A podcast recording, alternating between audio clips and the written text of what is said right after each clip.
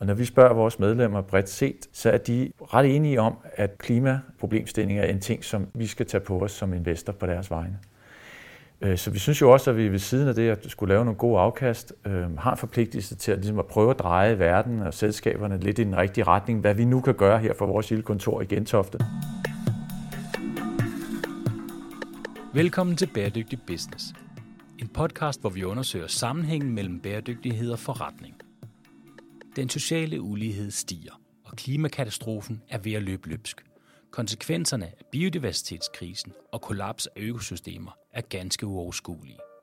Men vejen ud af problemerne er, at vi laver en verden, hvor bæredygtighed kan betale sig. Mit navn er Steffen Marksø. Jeg er forfatter og foredragsholder og direktør i konsulenthuset Sustain Business. Jeg taler med førende eksperter om, hvordan bæredygtighed kan gøres til god forretning. Goddag, Anders Schelte. Ja. Mange tak, fordi du vil være med i Bæredygtig Business. Og noget, der jo nok ikke kommer bag på dig, men som lytterne jo skal vide, det er, at du er investeringsdirektør i Akademikerpension. Og du er faktisk også økonomidirektør. Det er korrekt. Og øh, hvorfor har du sådan to relativt store hatte på? Er det bare fordi, du er vild med arbejde, eller hvordan er det ja, jeg er vild med arbejde, øh, men det er nu ikke øh, den primære årsag til det. Ja, vi har en øh, lille tremandsdirektion, øh, og så var det naturligt at samle de to øh, områder under, under mit øh, ansvarsområde. Øh, jeg var i forvejen investeringsdirektør allerede, og blev for nylig så også øh, økonomidirektør. Øh, når vi kigger på vores balance, altså det, der virkelig flytter sig, det er jo investeringerne. Det er klart. Og ikke fordi, at øh, der ikke sker noget på vores passive side her, og det hermed mener jeg jo alle de penge, vi, vi skylder vores medlemmer i pensioner i fremtiden. Men, men det, det er måske trods alt det, der flytter sig lidt mindre, øh, og det er de to store talområder, om man vil. Og så har jeg selvfølgelig også ansvar for den daglige økonomi. Øh, så det, det klappede, vi klappede alle tallene sammen. Men Anders, en af grundene til, at jeg rigtig gerne vil tale med dig, udover at man har kunne se dig relativt meget i, i medierne her på det seneste, øh, og, og i noget tid for den sags skyld, i forbindelse med, at akademikerpension jo bliver rated ret højt på baggrund af deres investeringer i forhold til at tage, tage bæredygtighed alvorligt. Og, øh, og der er jo også mange andre, der gør det godt derude, men, men du er jo i særdeleshed lidt ude med riven, mm. kan man godt sige, efter nogle virksomheder, som du ikke oplever omstiller sig hurtigt nok, læser jeg mig ind i, mm. i forhold til at kunne blive ved med at være en god forretning fremadrettet. Så det kunne være spændende at prøve at dykke ned i, jamen, hvordan kommer du frem til de her konklusioner? Fordi Måske vi lige skulle starte konkret med Toyota. For Toyota har du jo været lidt ude efter. Måske du selv lige kunne fortælle casen. Hvordan betragter du Toyota som virksomhed lige nu? Jamen det er rigtigt. Vi, vi, vi, vi øh, som institutionel investor, hvor vi investerer på vegne af vores medlemmer, altså, så er det virkelig vigtigt for os, at vi gør det på en måde, som vores medlemmer kan se sig selv i. Og det klare budskab, vi hører fra vores medlemmer, det er, at det gør vi på en måde, hvor vi bedriver det, vi kalder aktiv ejerskab, men også at vi gør det sådan med en vis, så skal, hvad skal vi kalde det, ildhu, eller vi kalder det faktisk øh, kritisk aktiv ejerskab, fordi jeg tror måske, der er mange, der synes, at det, øh, det nogle gange kan lyde som noget, hvor det foregår sådan lidt, øh, lidt meget vel bag kulissen, og det er, lidt, man, det er sådan meget de, på de bonede gulve, og, og, og det måske bliver sådan lidt for hyggeligt, hvis man kan sige det sådan, når vi investorer møder de selskaber, vi investerer i. Øhm, der er vi nok, har vi nok lidt mere kant i det, og, og Toyota har været en ret markant øh, øh, sag for os her øh, på det sidste, men det er virkelig en sag, der har kørt igennem længere tid. Øh, faktisk næsten tre år. Og man siger kort fortalt omkring Toyota, altså så øhm, er der jo ved at ske en omstilling i selskabet nu. Altså den tidligere CEO er, er trådt tilbage og er blevet bestyrelsesformand. Vi har fået en ny CEO. Der kommer nogle justeringer på, på deres øh, strategi. Og, og det hele handler jo om, at Toyota øh, ser ud til at have lavet det forkerte, øh, de forkerte bets i omstillingen af autosektoren.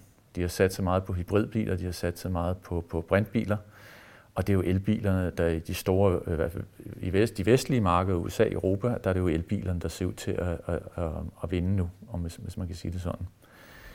Øh, og så Toyota er bagud. Toyota er så også et meget stort og stærkt selskab. Jeg tror på, hvis de virkelig tager sig sammen, og det er der heldigvis tegn på, at de gør, øh, så kan de godt nå at lukke øh, gabet. Men, men før de jo lavede de her strategiforandringer, der, der vil jeg også mene, der, var, der kunne man godt male et scenarie op, hvor Toyota nærmest ikke fandtes på 10 og 20 års sigt. Og det er jo vildt at tænke på, for Toyota er jo faktisk en af Japans største virksomheder. Det er Japans største virksomhed. Ikke? Men hvis du først kommer materielt, altså væsentligt bagud på en udvikling, der er stærkt accelererende, altså så kan du komme så meget bagud, at du ikke har råd til at investere for at, at indhente. Og det, det er sådan nogle scenarier, man begynder ligesom at kunne blive bange for at kunne udspille sig for Toyota. Så vi har haft en, altså en frygt for Toyotas øh, grundlæggende hvad skal man sige, forretningsstrategi, øh, men det vi virkelig har haft en dialog med den om, i hvert fald for, altså formelt set, det har været øh, deres lobbyarbejde, fordi mange mener, at de angiveligt har bedrevet noget lobbyvirksomhed, hvor de ligesom har prøvet at, at, at sænke tempoet af udfasningen af benzinbiler i de, de vestlige markeder. Øh, og det er klart, at altså, hvis man er bagud, øh, så er det jo selvfølgelig ens fordel, hvis tingene ikke ændrer sig så hurtigt. Jo. Det, er jo, det må man jo sige. Og der er det jo sådan, sådan lidt bare vores holdning, at det, altså, man skal spille efter spillets regler, at man skal ikke prøve at ændre øh, spillereglerne, fordi at øh, man øh, er bagud i kampen. Øh, og hvis man øh, bedriver den slags lobbyvirksomhed, jamen, så skal man lægge det åbent og transparent frem. Og den skjulte bagtanke er jo lidt, hvis du laver de, det forkerte lobbyarbejde, hvis man kan sige sådan, øh, Øh, så skulle du jo gerne øh, disciplinere lidt, når du, du skal være transparent omkring det. Det er klart. Og, øh, og man kan sige, det her fokus, I har haft på Toyota i forhold til deres udvikling, det er jo noget, der har givet en, altså vækket international opmærksomhed. Altså, der har jo virkelig været noget fokus på det her.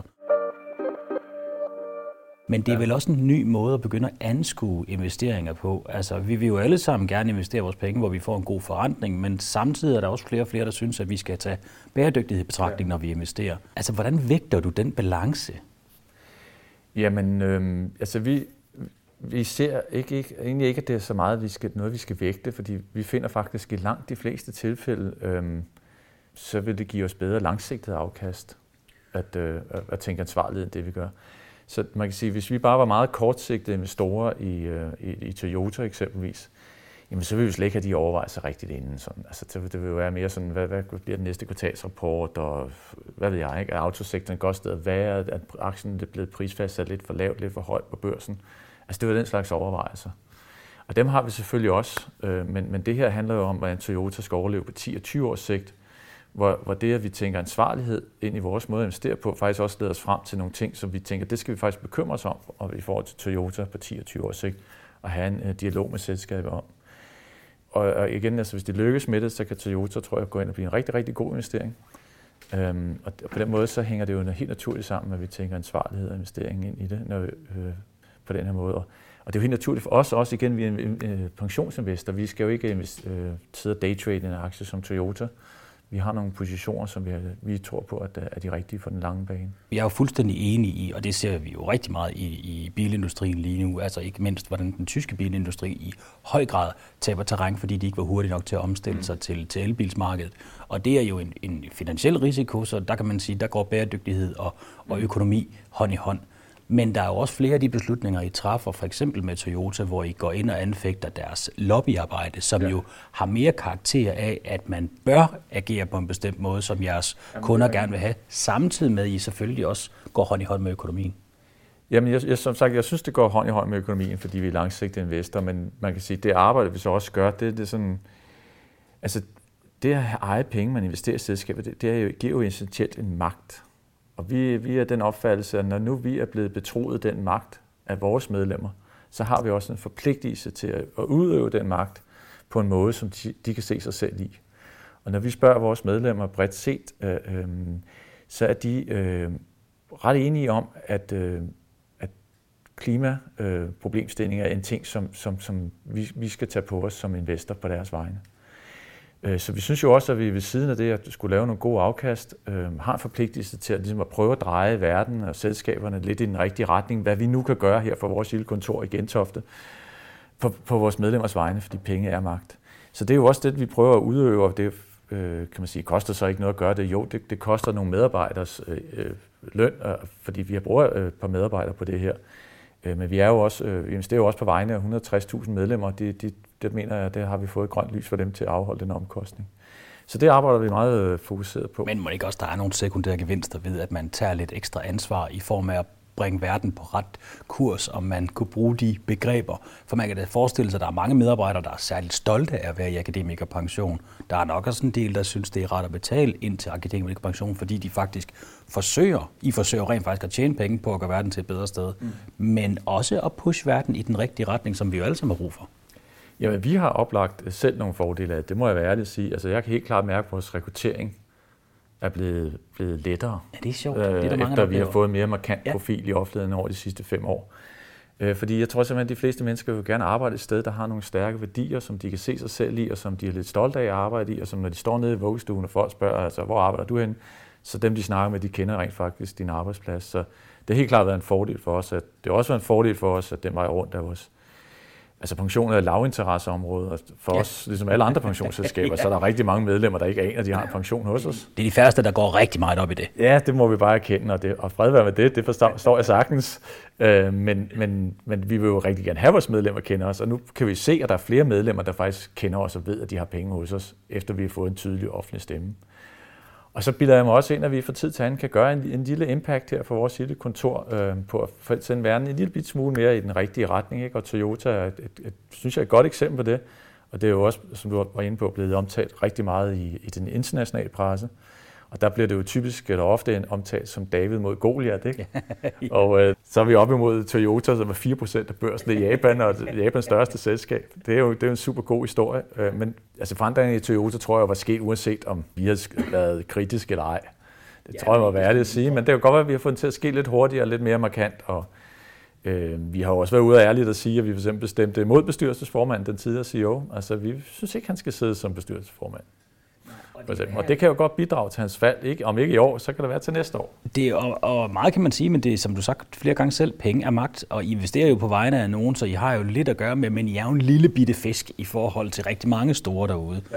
Men alligevel har fået noget impact, så det er jo meget prisværdigt. Men når folk læser om det i den internationale presse, så er der jo også andre investorer med flere penge også, der går med vores vej, så vi har jo fået god støtte både fra altså New York City's øh, enorme pensionsfond, pensionsfond. Vi har fået god støtte fra øh, den helt store, den amerikanske, allerstørste amerikanske pensionsfond i, i Kalifornien for de kaliforniske skolelærer og så fremdeles. Og, men det synes jeg faktisk bare er rigtig rart at høre, fordi at, at man kunne jo godt fornemme, at Toyota var jo ikke super vild med, at der kom nogen, der skulle til at ud og snakke om de her ting, fordi det faktisk påvirker dem. Ja. Og, og derfor viser det jo også, at, at David kunne faktisk godt gøre noget, i, øh, når det er, man står over for en, en Goliath.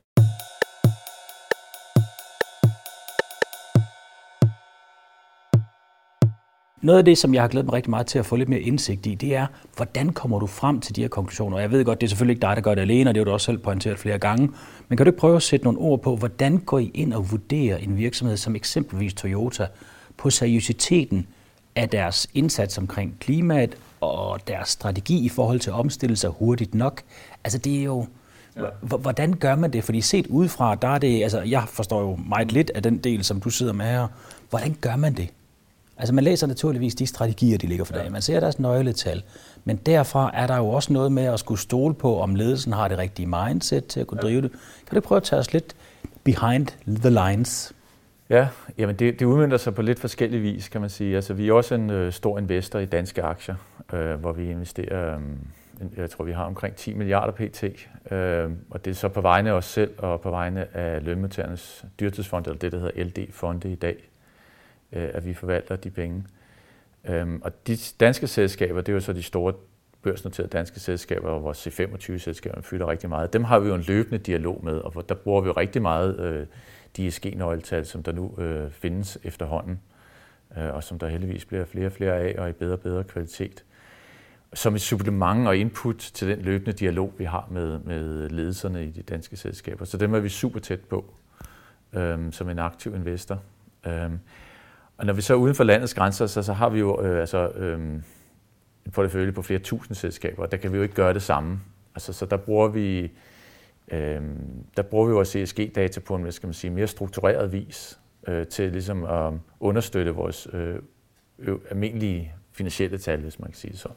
Ja, så I holder de finansielle tal op imod ISG-data, eller de ISG-nøgletal, ja. der er? Og alle de informationer, vi i øvrigt har øh, om selskaberne. Så, så det indgår i, som, i ledet en samlet bedømmelse, kan man sige. Så vi prøver at arbejde... Noget af, det er sådan, at i selskab som vores er det sådan, at man forvalter nogle penge selv, og andre gange så giver man pengene til eksterne øh, forvaltere. Men de penge, vi selv forvalter, prøver vi at arbejde med nogle mere sådan strukturerede processer, øh, hvor vi får bragt alle informationerne ind, hvis man kan sige sådan. Og så er der så oven på det er der jo den her aktiv ejerskabsindsats, som vi eksempel har udøvet i forhold til Toyota, og det har vi jo slet ikke ressourcer til, øh, kan man sige, at gøre på tværs af alle de mange store internationale. Der vælger I ligesom områder ud? Der vælger vi nogle cases ud, og så, så arbejder vi med dem. Og det har så været Toyota her senest, der har været mest højt profileret. Hvad var grunden til, at Toyota var den, hvis knapper, der lyste for jer? Jamen, jeg, efterhånden så synes, tror jeg, vi øh, har sådan et rigtig godt netværk, øh, både blandt NGO'er og andre ligesidende investorer, øh, hvor man... Øh, hvor man tænker lidt over de her ting, hvilke selskaber ser ud som, de hænger lidt i bremsen på ansvarligheden og bæredygtigheden. Og da vi startede Toyota-casen op for tre år siden, der tror jeg ret bred enighed med dem, vi ligesom talte med, at uh, der skal ske noget her. Toyota så ikke ud til at være helt i mål på, på det, de gik og lavede på deres lobbyarbejde. Um, det, angiveligt foregik der nogle ting der, som måske ikke var helt, uh, som de skulle være. Og det koblet med, at vi havde et klart syn på deres forretningsstrategi, gjorde, at det var ligesom en, et interessant sted for os at sige, okay, men så lad os bruge nogle af vores kræfter der. Så vi prøver lige at sige, at vi kan måske håndtere 4-5 af den slags dialoger øh, sådan løbende. Ikke? Øh, men mere har vi ikke ressourcer til. Det er klart. Når I så har udvalgt dem, som I går lidt mere i dybden på, så læser I selvfølgelig alle de ting, de kommunikerer ud. Hvad, hvad gør man ellers? Altså er det en, en skrivebordsopgave alene, hvor ja. man sidder og kigger på ESG-nøgletal versus de finansielle ja. nøgletal, eller i forhold til de finansielle nøgletal? Eller er man også ude og kigge lidt mere på, på persongalleriet, som, som ligesom leder virksomheden? I var jo meget ude efter ja. den daværende direktør, som I ikke mente ja. øh, leverede varen i forhold til den omstilling. Jamen, man kigger lidt på, på, på den fulde pakke, og så, så tager man en, øh, rækker man ud til selskabet øhm, og, og prøver at se, om man kan initiere en dialog med den. Og det kan man sige, øh, det kan være lidt svært øh, for os, som igen, vi sidder her i Gentofte, øh, vi er en, en meget, meget lille investor i, i et kæmpe, kæmpe selskab som Toyota. Øhm, så, så der må man nogle gange bruge, øhm, der må man bruge lidt leverage, og i vores tilfælde, der var det leverage, det var vores trykmiddel og pressionsmiddel, hvis man kan sige sådan, det er ikke hvad ord man skal bruge på dansk, det var at sige, at vi overvejede at stille et aktionærforslag. Og det, øh, det, det vil sige, det åbner dørene for dialog. Ja. Fordi det er sådan i Japan, der er det fuldstændig uset. Altså uset, altså det, det gør man ikke. Man stiller ikke et aktionærforslag. Det er lovgivningen så ikke engang rigtig højde for, man kan. Nej, og, og, og kan du lige fortælle et aktionærforslag? Hvad vil det indbefatte? Jamen det er, at man, øh, man til generalforsamling i selskabet stiller et forslag til afstemning på øh, selskabets generalforsamling. Og det kan du sådan set gøre i Danmark. Altså, du skal bare have 100 kroner investeret i Danske Bank i virkeligheden, så kan du troppe op på generalforsamlingen og sige, jeg har et forslag, det skal vi stemme om. Kort fortalt, ikke? Ja. Øhm, men i, i Toyotas tilfælde, altså der, der, der, der, der rummer øhm, deres vedtægter øh, rummer slet ikke mulighed for det. Altså, så det eneste måde, du kan stille et aktionærforslag, det er at stille et forslag om en vedtægtsændring.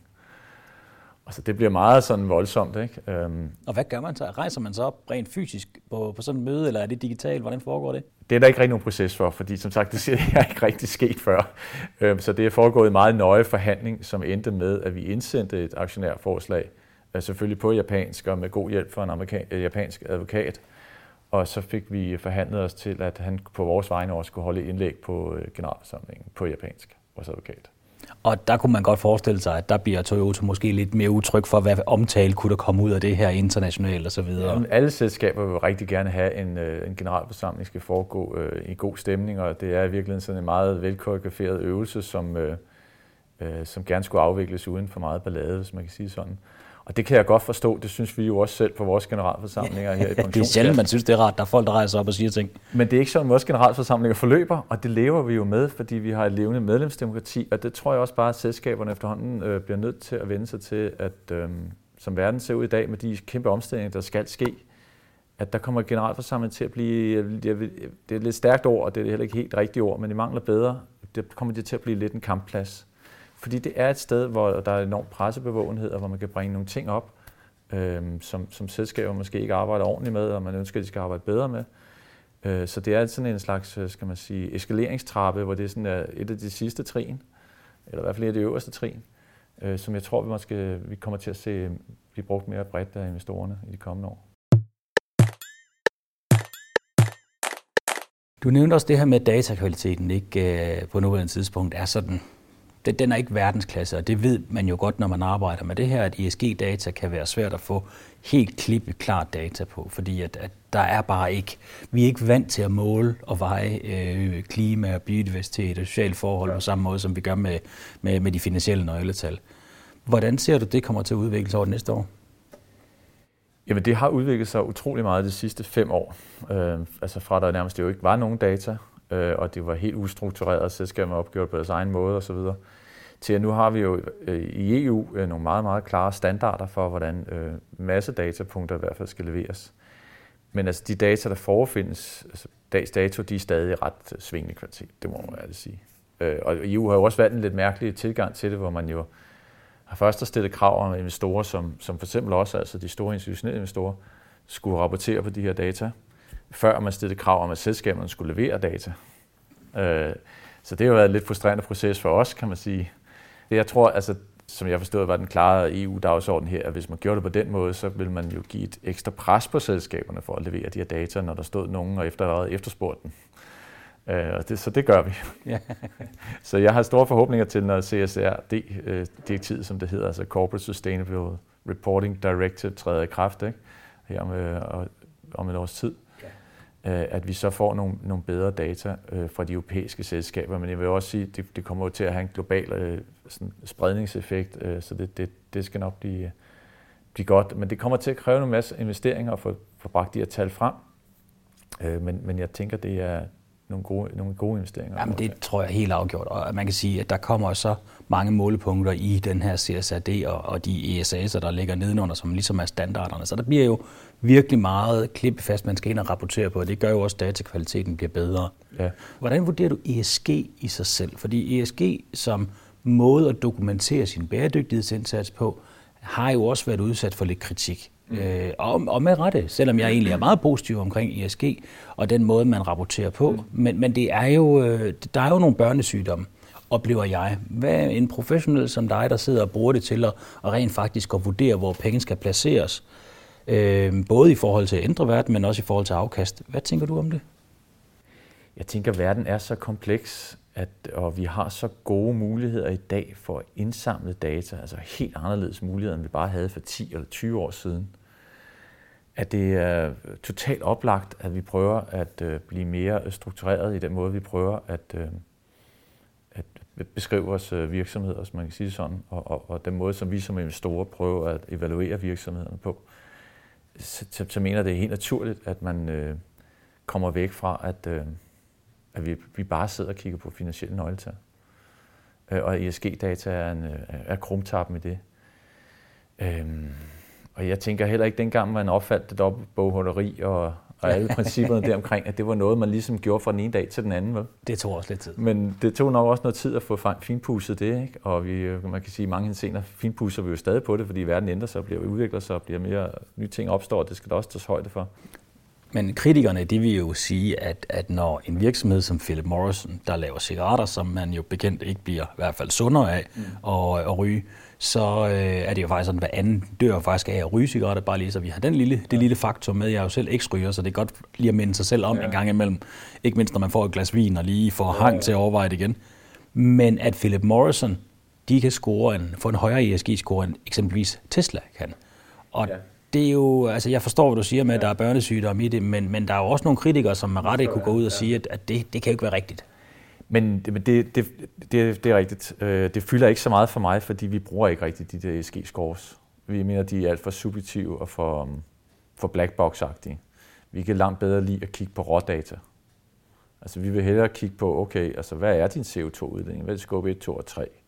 Hvad er dine øvrige metrikker på, på vand og for det ene og det andet og tredje? Hvad der må være relevant for din øh, forretning, ikke? Nå, spændende. Øh, så hvad, hvad Sustainalytics, eller hvad de hedder, altså MSCI, eller hvem der måtte være derude, ligesom har vejet sammen og vurderet, at så er den given virksomhed et eller andet 5,6 eller noget. Altså det, det, det tager vi, det er datapunkt, vi har øh, for flere udbydere, og vi, det føder også ind i nogle af vores modeller og sådan noget, men det er ikke noget, vi sådan sidder og fæstner alt for stor lid til. Vi vil langt hellere kigge på de underliggende rådata kan man ikke også sige, at det er jo lige præcis det, der er vanskeligt med ESG-data lige nu, det er, at når datagrundlaget er så relativt dårligt, så er det svært, når der er nogen, der sidder, de her ESG-raters, der sidder og moser det hele sammen i et eller andet tal.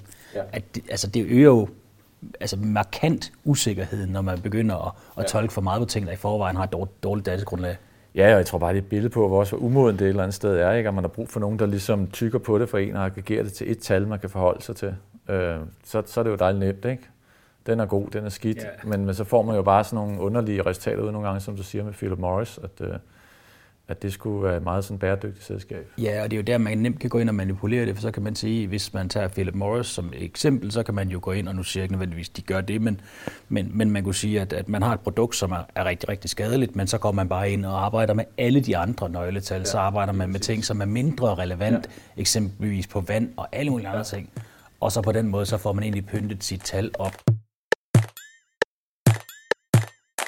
Lige nu ser vi jo også den her øh, altså kritik, der kommer af ESG, særligt i USA. Øh, det, som man kalder anti-wokeism.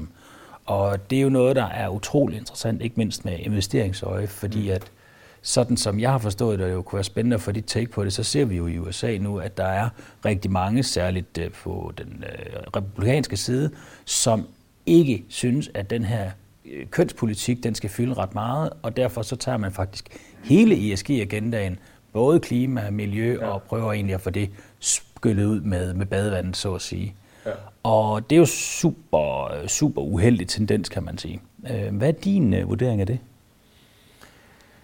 Altså, jeg, jeg synes jo, det, det er trist at kigge på, hvis jeg skal være ærlig. Altså, det er jo, det er jo, synes, det er jo bare et billede. I min optik er det jo bare, eller det er, det er et billede på, at det amerikanske samfund er blevet utroligt polariseret. Ja. Og øh, nu er det så også øh, øh, ligesom kommet over på investeringsområdet. Og øh, altså, det sagt, så kan man så sige, altså der er jo ikke nogle af de ting, som vi gør, øh, der er jo også måske nogen, der vil mene, at det er sådan lidt, lidt politiserende. Så det er, vi er selvfølgelig også noget ude i noget, hvor, hvor, hvor, hvor, man ikke, altså, hvor, der, hvor der indgår nogle overvejelser omkring etik og moral og ansvarlighed og bæredygtighed, som, som, som også bliver, der er lidt politik indover.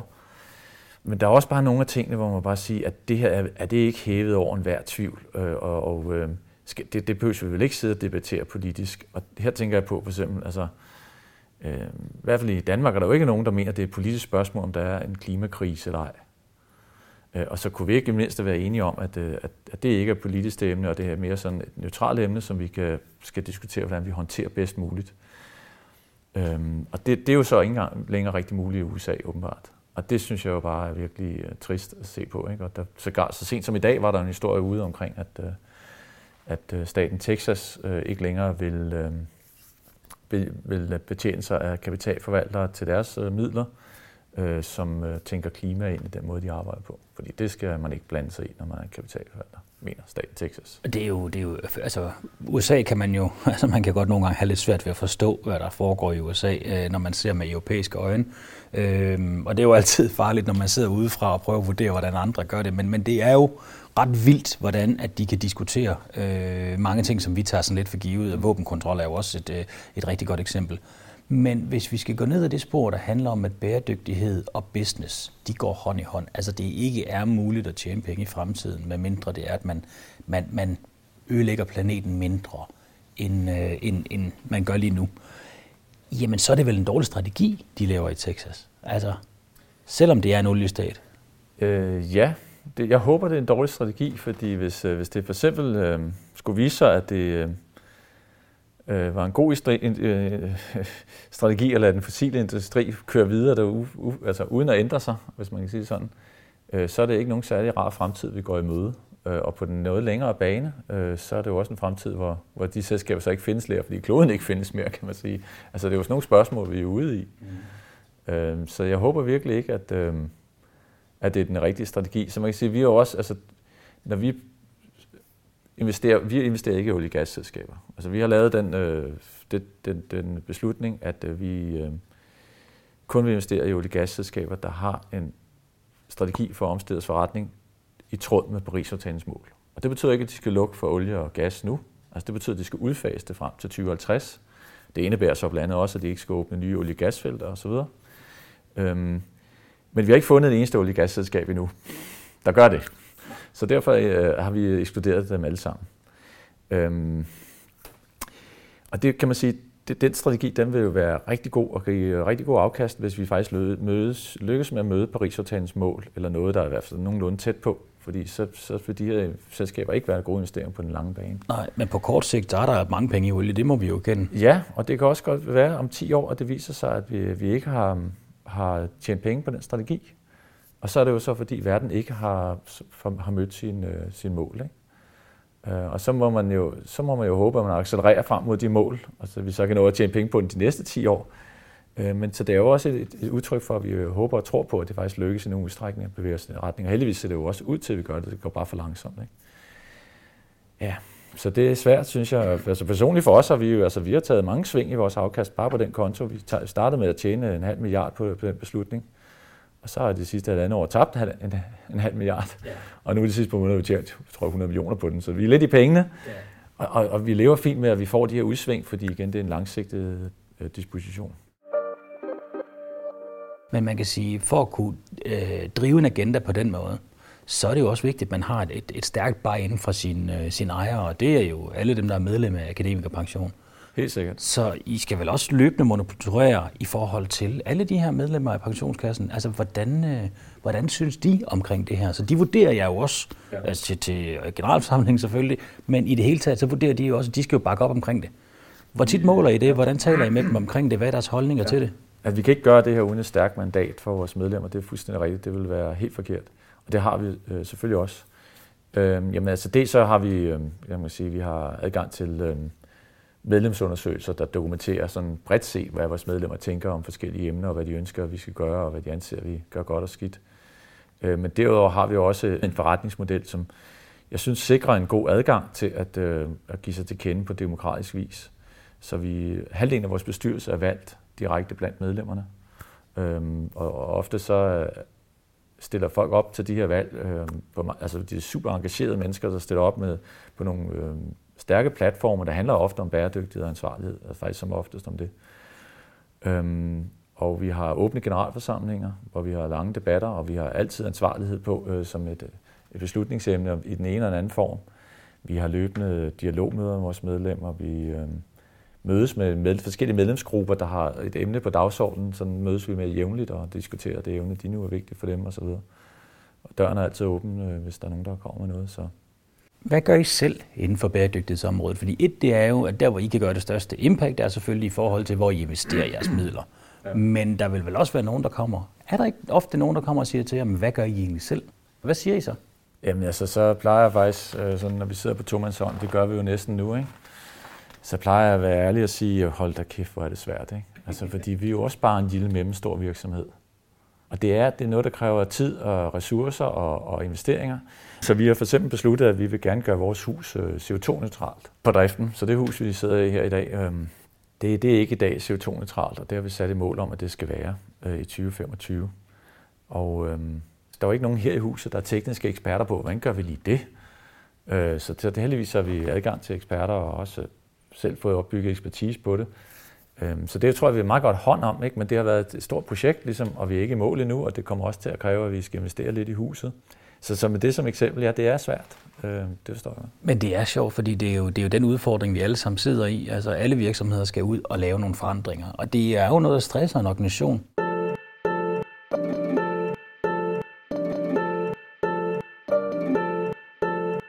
Når man nu kigger på, hvordan og hvorledes det er, I investerer alle de her midler, altså øh, hvordan screener man markedet for, hvor det giver mening? Altså hvad er sådan den helt klassiske approach til at finde de gode investeringscases, og hvordan lægger I så det her ESG-filter ned over efterfølgende? Altså hvordan er processen? Den har flere øh, led. Altså, det, man kan sige, det handler om nogle, vi har, der er nogle ting, vi har valgt fra, øh, for eksempel den fossile industri, fordi vi tænker, øh, medmindre de omstiller sig, så, som jeg var klaret før, så, så, så vil det jo ikke være det. Vi har faktisk også valgt øh, tobak fra, øh, og vi har også valgt det fra, som hedder kontroversielle våben. Øh, så vi kan godt investere i våbenselskaber, men vi kan ikke investere i våbenselskaber, der laver masseudryddelsesvåben, hvis man kan sige sådan, kort fortalt. Øh, så der er noget, vi har valgt fra, øhm, og altid, når vi vælger noget fra, så er det både en beslutning om ansvarligheden i det, altså for eksempel ikke at investere i masse udryddelsesvåben, men vi tjekker også lige, altså kommer det til at have sådan en, en markant øh, negativ effekt på afkastet, eller er det negativt til positivt? Og vi vil ikke gøre det, medmindre vi vurderer, at det er undskyld, øh, positivt til neutralt. Så hvis vi vurderer tingene afkastmæssigt positivt til neutralt, så, så, så, kan, så kan vi godt lade ansvarligheden trumfe os, som øh, at det bare er neutralt, hvis man kan sige sådan. Så nogle ting, vi vælger fra, og så er der nogle ting, vi vælger til, og der har vi specifikt valgt at have det grønne område som et, et, et fokusområde for os. Øh, vi der, der tænker vi, at vi både kan gøre en forskel, øh, og vi tænker også, at der er god afkast i det, fordi der skal altså virkelig sendes meget kapital i den retning i de kommende år, og der kommer til at ske en masse teknologisk. Så det har vi fokus på. Men det er sådan yderenderne lidt. Vi har skåret sorte fra det og valgt det grønne til, hvis man kan sige sådan, men 80 procent af porteføljen er jo i midten. Og der prøver vi sådan at, at, at få det ind i vores investeringsprocesser på forskellige vis. Og det afhænger lidt af, om, om det er dansk selskab, om det er noget, vi forvalter internt, eller det er noget, vi har givet til en ekstern forvalter. Øhm, så hvis det er internt, så, så er vi tæt på selv. Hvis det er noget, vi har givet til en ekstern forvalter, jamen, så prøver vi i virkeligheden at løse det og tænke det ind ved at sikre os, at den eksterne forvalter tænker ansvarlighed nogenlunde på samme måde som os selv. Mm. Altså man kan sige, at der er faktisk ikke sådan en helt klar proces for, hvordan man driver det. Det er lidt forskelligt afhængig af, om størrelse virksomhed, om den er dansk eller international. Hvad med den her konflikt, der ligger i, at, at ESG-agendaen er jo bred og både rummer øh, klima og miljø, men også den sociale del. Altså, der må I da ramme ind i relativt mange gange, at det kan være problematisk. Altså, man kan sige, Tesla er jo en, en fin ja. uh, case, uh, business case økonomisk ja. set, afhængig af, hvornår man kommer ind i den, selvfølgelig, og hvad man tror på fremtiden. Ja. Men på klima er det jo rigtig fint. På miljø kan man sige, der er lidt udfordringer. På det sociale område, der er der i hvert fald nogle udfordringer, øh, som der jo er for mange i, i, i den branche. Og så er der jo også noget med, med hele governance-delen i forhold til, hvordan det er, at man leder virksomheden. Altså, det, er, det er vel svært forestiller jeg mig at være sådan helt struktureret entydig i, hvordan man går til sådan en kunde, for der er så mange forbehold, man skal veje op imod hinanden. Jamen helt sikkert. Altså det, øh, der, nogle gange af de her problemstillinger, så fremstår de jo sort-hvide. Og når man så begynder at dykke ned i det, så går det hurtigt op for en, at det faktisk er, er, er meget, meget gråt. Og der er så mange dilemmaer i det her. Og Tesla, synes jeg, er et rigtig, rigtig godt eksempel. Og mange af de her diskussioner kommer meget op til overfladen, når vi er ude øh, og, disk- og diskutere enkelte selskaber, om vi skal ekskludere dem. Fordi nu nævnte jeg de her ting, hvor vi dis- altså ekskluderer hele sektorer. Men vi har også en lang række selskaber, som vi har ekskluderet øh, altså af enkeltstående årsager. Fordi vi synes, her performer de simpelthen for ringe og for meget strid med vores interne Hvad kunne det eksempelvis være? Øhm, ja, et eksempel kunne være Walmart, som vi og langt de fleste andre danske pensionsselskaber har ekskluderet for deres måde at håndtere øh, arbejdstagerrettigheder på eller ikke håndtere arbejdstagerrettigheder på, er måske bedre at sige. Øhm, så øhm, så der, er, der, der er virkelig mange øh, dilemmaer i det, hver eneste gang man kommer ned og, og diskuterer det enkelte selskab. Det, det er sjovt, fordi den er jo super vanskelig. Men når vi så går ind og kigger på aktivt ejerskab, nu har I øh, sagt, at I vil egentlig godt investere ind i olie, så frem det er, at det bliver på de præmisser, at de ikke udvikler mere ny øh, sort energi, men at de er på vej til at transformere sig om til at blive en mindre belastet virksomhed. Men der er jo også mange, der mener, at det er nærmest umuligt at bedrive aktivt ejerskab i nogle typer, i nogle brancher, fordi de simpelthen er så dedikeret på at tjene penge på et produkt, som bare ikke er godt. Og ja. der kunne olieindustrien jo godt være sådan ja. en case. Men det, er også, det var jo også tungt ind, når vi foretager de her sektoreksklusioner, fordi en af vurderingerne går jo også på, om vi kan, er der rum for at flytte selskabet, og er der rum for at flytte ledelsen og det måde, de tænker omkring selskabets fremtid på. Hvis en, ens forretning er bygget op omkring at producere øh, tobak eller producere olie, så er det rigtig, så er det nok ret svært at, at gøre at lave noget andet. Og olieindustrien er det et fantastisk eksempel, ikke? Altså fordi vi hører meget om, hvordan de investerer grønt, og det, det, har de købt en vindmøllepakke her og der osv. Men fakta er jo bare, når man kigger på det, altså deres investeringsbudgetter, altså hvad de rent faktisk går ud og køber stål og jern og putter ned i jorden, øhm, altså så er det jo stadig, altså hvad er det, tæt på 99 procent eller meget, der går til den fossile del af svartning. Ikke? Øhm, så det andet er jo, hvis man skulle være lidt grov, så er det jo måske nok lidt mere stafage. Ikke? Hvad er sådan dine grundlæggende tanker omkring det her med transformation af nogle brancher, som jo decideret bare ikke skal eksistere. Altså der kan man sige, tobak er jo, hvis man sådan så vi kigger på det, så er det jo, altså hvad anden dør af det. Altså ja. det, det er jo ikke vejen frem, og der kan man jo godt sige, at hvis vi skal overføre det til, til klima, ja. så er, er fossil energi nok heller ikke noget, der skal drive agendaen, som det gør lige nu. Det kan godt være, at vi bliver ved med at skulle have brug for lidt stadigvæk i noget tid, men i bund og grund, så skal det jo laves fuldstændig om den forretning. Men de der transformationer, de er jo svære. Altså hvordan er det, du transformerer din forretning fra alting handler om noget, som belaster planeten, til at du skal over i noget fuldstændig andet. Altså er det overhovedet muligt at lave den transformation, eller skal der simpelthen bare lovgivning til? Jeg tror, alle har et ansvar. Vi har et ansvar som øh, investorer. Ja, øh, folk har et, man har selv personligt, i nogen udstrækning, det må man jo selvfølgelig godt med sig selv, et ansvar som, som, som forbruger og køber af produkter. Selskaberne har et ansvar øh, Øhm, for også at, at tænke de her ting i den måde, de laver på. Og politikerne har ansvar. Altså alle har et ansvar, og det skulle vi jo gerne få til at, at mødes på en positiv måde, tænker jeg. Øh, og det lyder, det lyder bedre på engelsk, så nu siger jeg lige på engelsk. Altså innovation, regulation and taxation, tror jeg meget er øhm, vejen frem. Der er nogen, der skal lave nogle innovative nye forretningsmodeller, der fagner nogle af de her omstillinger. Øhm, det er især måske inden for den cirkulære økonomi. Ikke? Øh, der er også nogen, der er nødt til at regulere noget af det her, øh, så, så der, øh, der simpelthen kommer økonomi i omstillingen på en bedre øh, måde. Øh, og det er udfasning af benzinbiler er jo et, et, et eksempel på, eller for forbud af tobaksprodukter er jo et andet eksempel. Øh, og så egentlig er der også nogen, der er nødt til, og det er jo også den helt store hammer måske, som vi stadig mangler at tage i brug. Øh, vi, vi er nødt til at få øh, en, den rigtige øh, CO2-beskatning ind, øh, fordi det er ligesom det, det usynlige værktøj, der får alting til at ske. I går stod jeg og kiggede på et byggeri, vi har, hvor kunden, øh, hvor lejeren ønsker at øh, lave en, en øh, en udvidelse af legemålet, med, og det er vigtigt for dem, at det bliver med, øh, med brugte mursten. Og der, der må vi bare sige, som det er i dag, øh, altså der er brugte mursten væsentligt dyrere end nye mursten. Og et eller andet sted giver det jo ikke nogen mening. Der er masser af brugte mursten derude, man kan genbrug, men der er bare ikke økonomi i det, fordi der er ikke nogen, der har innoveret, innoveret og skaleret det nu, så det bliver billigt.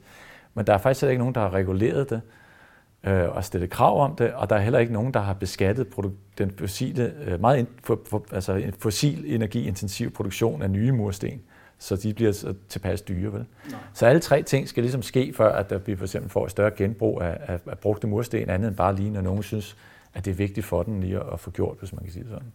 Ja, det, det er jeg meget enig i. Hvad tænker du sådan ledelsesmæssigt? Altså har man jeg ved ikke, om du kan svare på det, når man sidder i din situation, altså, men, men hvad er sådan din personlige holdning? Altså, tror du, at lederne i verdens virksomheder har de kapabiliteter, der skal til for at drive den her agenda? Ved de nok om, hvad det er for nogle udfordringer, vi står overfor? Og kan de godt forstå, at den her transformation skal ske, og kan de drive den? Fordi jeg har det fra tid til anden. Øh, nu fik jeg faktisk en besked fra en ven, og det er en, jeg har to rige venner, og han er den ene af dem og hvor det er, at han kommenterer et opslag omkring, at det var verdens varmeste dag i mandags, som øh, der er registreret indtil videre. Og hvor han siger, at selvfølgelig er det menneskeskabt, de her klimaforandringer, men hvor man kan se, det er den der benægtelsesstrategi, der går ind og siger, prøv at teknologien kommer og løser det, der er mange gode ting på vej. Altså tydeligvis ikke har forstået, hvor hurtigt det her det går, hvis man i hvert fald skal lytte på, på forskningen. Og der kunne jeg godt forestille mig, at der er rigtig mange virksomhedsledere i meget store virksomheder, der simpelthen ikke har forstået, hvad er det, vi står overfor? Fordi hvis man reelt forstår, hvad vi, hvad vi står overfor i forhold til klimaforandring og biodiversitetskrisen, så er det jo ikke en verden, nogen af os har lyst til. Mm. Og derfor er det jo kontraintuitivt, at man skulle fortsætte med ned ad det spor, fordi du kan heller ikke drive forretning i sådan en verden på samme måde. Altså det, det, men, men forstår de det? Jeg kan mest tale ud fra et dansk perspektiv, fordi det er det danske selskab mest tæt på, og det er der, jeg har mødt flest øh, topledere fra. Øhm, og hvis, mit, mit indtryk er jo bare, at et eller andet sted virksomhedsledere er ligesom alle andre mennesker. Øhm, så ligesom vi som forbrugere jo også i forskellig grad øh, tager det her på os, øh, så gør de det også. Og nogen føler, øh, der er helt klart øh, nogen, som tænker, at, øh, at de har egentlig ikke et ansvar rigtigt sådan personligt, hvad man vil, eller som selskab for at, at gøre tingene anderledes, eller tænke, kan vi gøre andre ting anderledes inden for de givende rammer. Øh, hvor, hvor, hvor tilgangen mere er sådan, jamen det må nogen jo komme og, og, og regulere og beskatte, sådan så, og så, så reagerer vi derefter. Øhm, og det, der synes jeg personligt, at, øh, at man, man øh, og jeg vil helt klart foretrække helt klart investere i selskaber, der har virksomheder og ledere, der tænker mere hen ad de baner, eller når man altså nu er rammerne, som de er. Øh, men for det første har jeg jo en forpligtelse til at tænke lidt over, kunne det være, at de ændrede sig? Og jeg skal jo planlægge for den lidt længere bane. Så var der, der kunne godt være, der, selvom der ikke er økonomi i det, sådan strengt taget i regnearket her i dag, Øh, men det kan jo være, hvis jeg ligesom faktorer ind, at der kan komme forandringer down the road, at der kan komme bedre økonomi i det, og vi allerede skulle gøre noget i dag. Ja, man kan sige, at den tyske bilindustri, de har da i hvert fald fået en bræt opvågning i forhold til, at det var dyrt at vente. Ja, så, så det, det er igen det med det øje for lang sigt og bæredygtighed, det tænker vi er godt, når man både leder en virksomhed og skal investere i en virksomhed, som vi skal. Øh, men det er jo også, synes jeg også, man har et, altså igen, men jo som virksomhedsleder er man jo også blevet betroet magt et eller andet sted. Og virksomhederne i vores samfund er jo med til at forme vores samfund. Og det synes jeg ikke helt, man kan ryste af sig. Altså på en eller anden måde må man jo også tage det lidt på sig, og selvfølgelig skal økonomien jo ikke være helt tosset i det.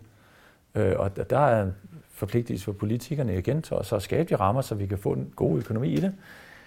Men nogle gange er det jo også sådan, måske bare at eller bare, men, men nogle gange er det jo også, at okay, vær lidt ambitiøs. Det kunne godt være, at det faktisk kunne lykkes inden for den givende ramme, hvis man tænkte lidt ud af boksen og prøvede noget nyt osv. Og, øh, og det er i hvert fald en forpligtelse til at prøve. Og så kan det jo godt være, at konklusionen bliver, nej, okay, det hænger simpelthen ikke sammen økonomisk, det kan vi ikke stå indenfor. Og det må vi så håbe, det gør om 2, 3, 4, 5 år, eller hvad ved jeg, når der kommer nogle ramme, nye rammer. Ikke?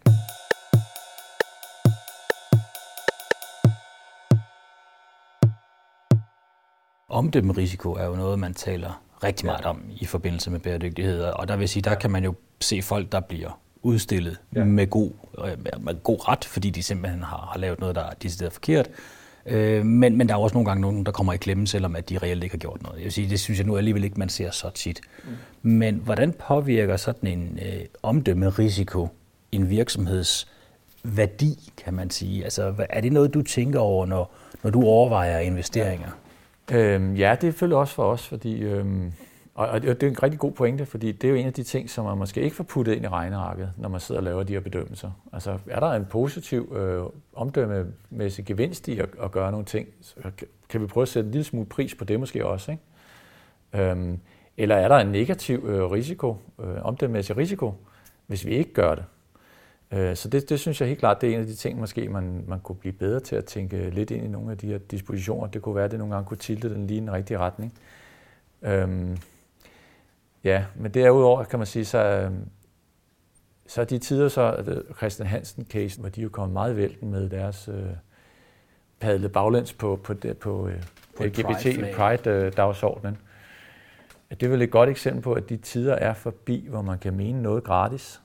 Altså, så man, man skal virkelig tænke sig godt om, øh, når man går ud og mener noget øh, på bæredygtigheds- og ansvarlighedsgendagen. Det, der, der er alt for stor omdømmemæssig risiko på at gå ud med noget, som man, øh, som man ikke mener. Så er det bedre ikke at mene noget. Ja, for tror du ikke netop, at det her, eller tror du måske, at det her, det faktisk er positivt for bæredygtighedsagendaen? Fordi nu er de, altså de, øh, de dyre holdninger, de er lige pludselig, øh, altså de er dyre at have, hvis man ikke, hvis man ikke, hvis man ikke leverer på dem. Hvor ja. tidligere har det jo været lidt nemt, altså ja. øh, Pride var jo noget, som alle folk kunne tilslutte sig, og, øh, fordi det var sådan lidt risikofrit. Det var, kunne man jo bare tage en t-shirt på, og så få nogle farvestrålende flag, og så var det jo tilstrækkeligt. Men det begynder at have nogle konsekvenser. Betyder det ikke, at dem, der så committer sig, de står mere på mål for det? Det må man da håbe, altså, at øh, det er det, det fører til, at, øh, at, det, at det bliver mere uh, for real. Og så kan det godt være, at der er lidt færre, der, der så kommer til at have pride men det er langt vigtigere, at dem, der rent faktisk har det, så står ved det, kan man sige, ikke? hvis vi tager det som eksempel. Så det, det vil jeg da håbe kommer ud af det, fordi og det tror jeg, det gør. Og det kan man sige, hvis man skal sige noget om den polarisering, vi tidligere diskuterede i USA, altså, så er det måske det, der er det positive af det. At den driver jo også en eller anden form for krystallisering. Du kan ikke længere stå inde på midten med nogle sådan lidt letkøbte holdninger. Altså, du bliver faktisk nødt til at tænke dig rigtig godt om, hvad det er, du står på mål for. Øh, og så mene det, fordi det, det er ikke muligt andet, i sådan, som tingene er blevet i USA i dag. Øh, så det, det er jo i og for sig øh, meget fint. Øhm, Anders Schelle, tiden er desværre gået, men det har været meget spændende at tale med dig og høre, hvordan I, i akademikerpension og hvordan du arbejder med bæredygtige investeringer. Tusind tak, fordi du vil være med. Tak lige meget. Det var sjovt at være. Tak fordi du lyttede til Bæredygtig Business.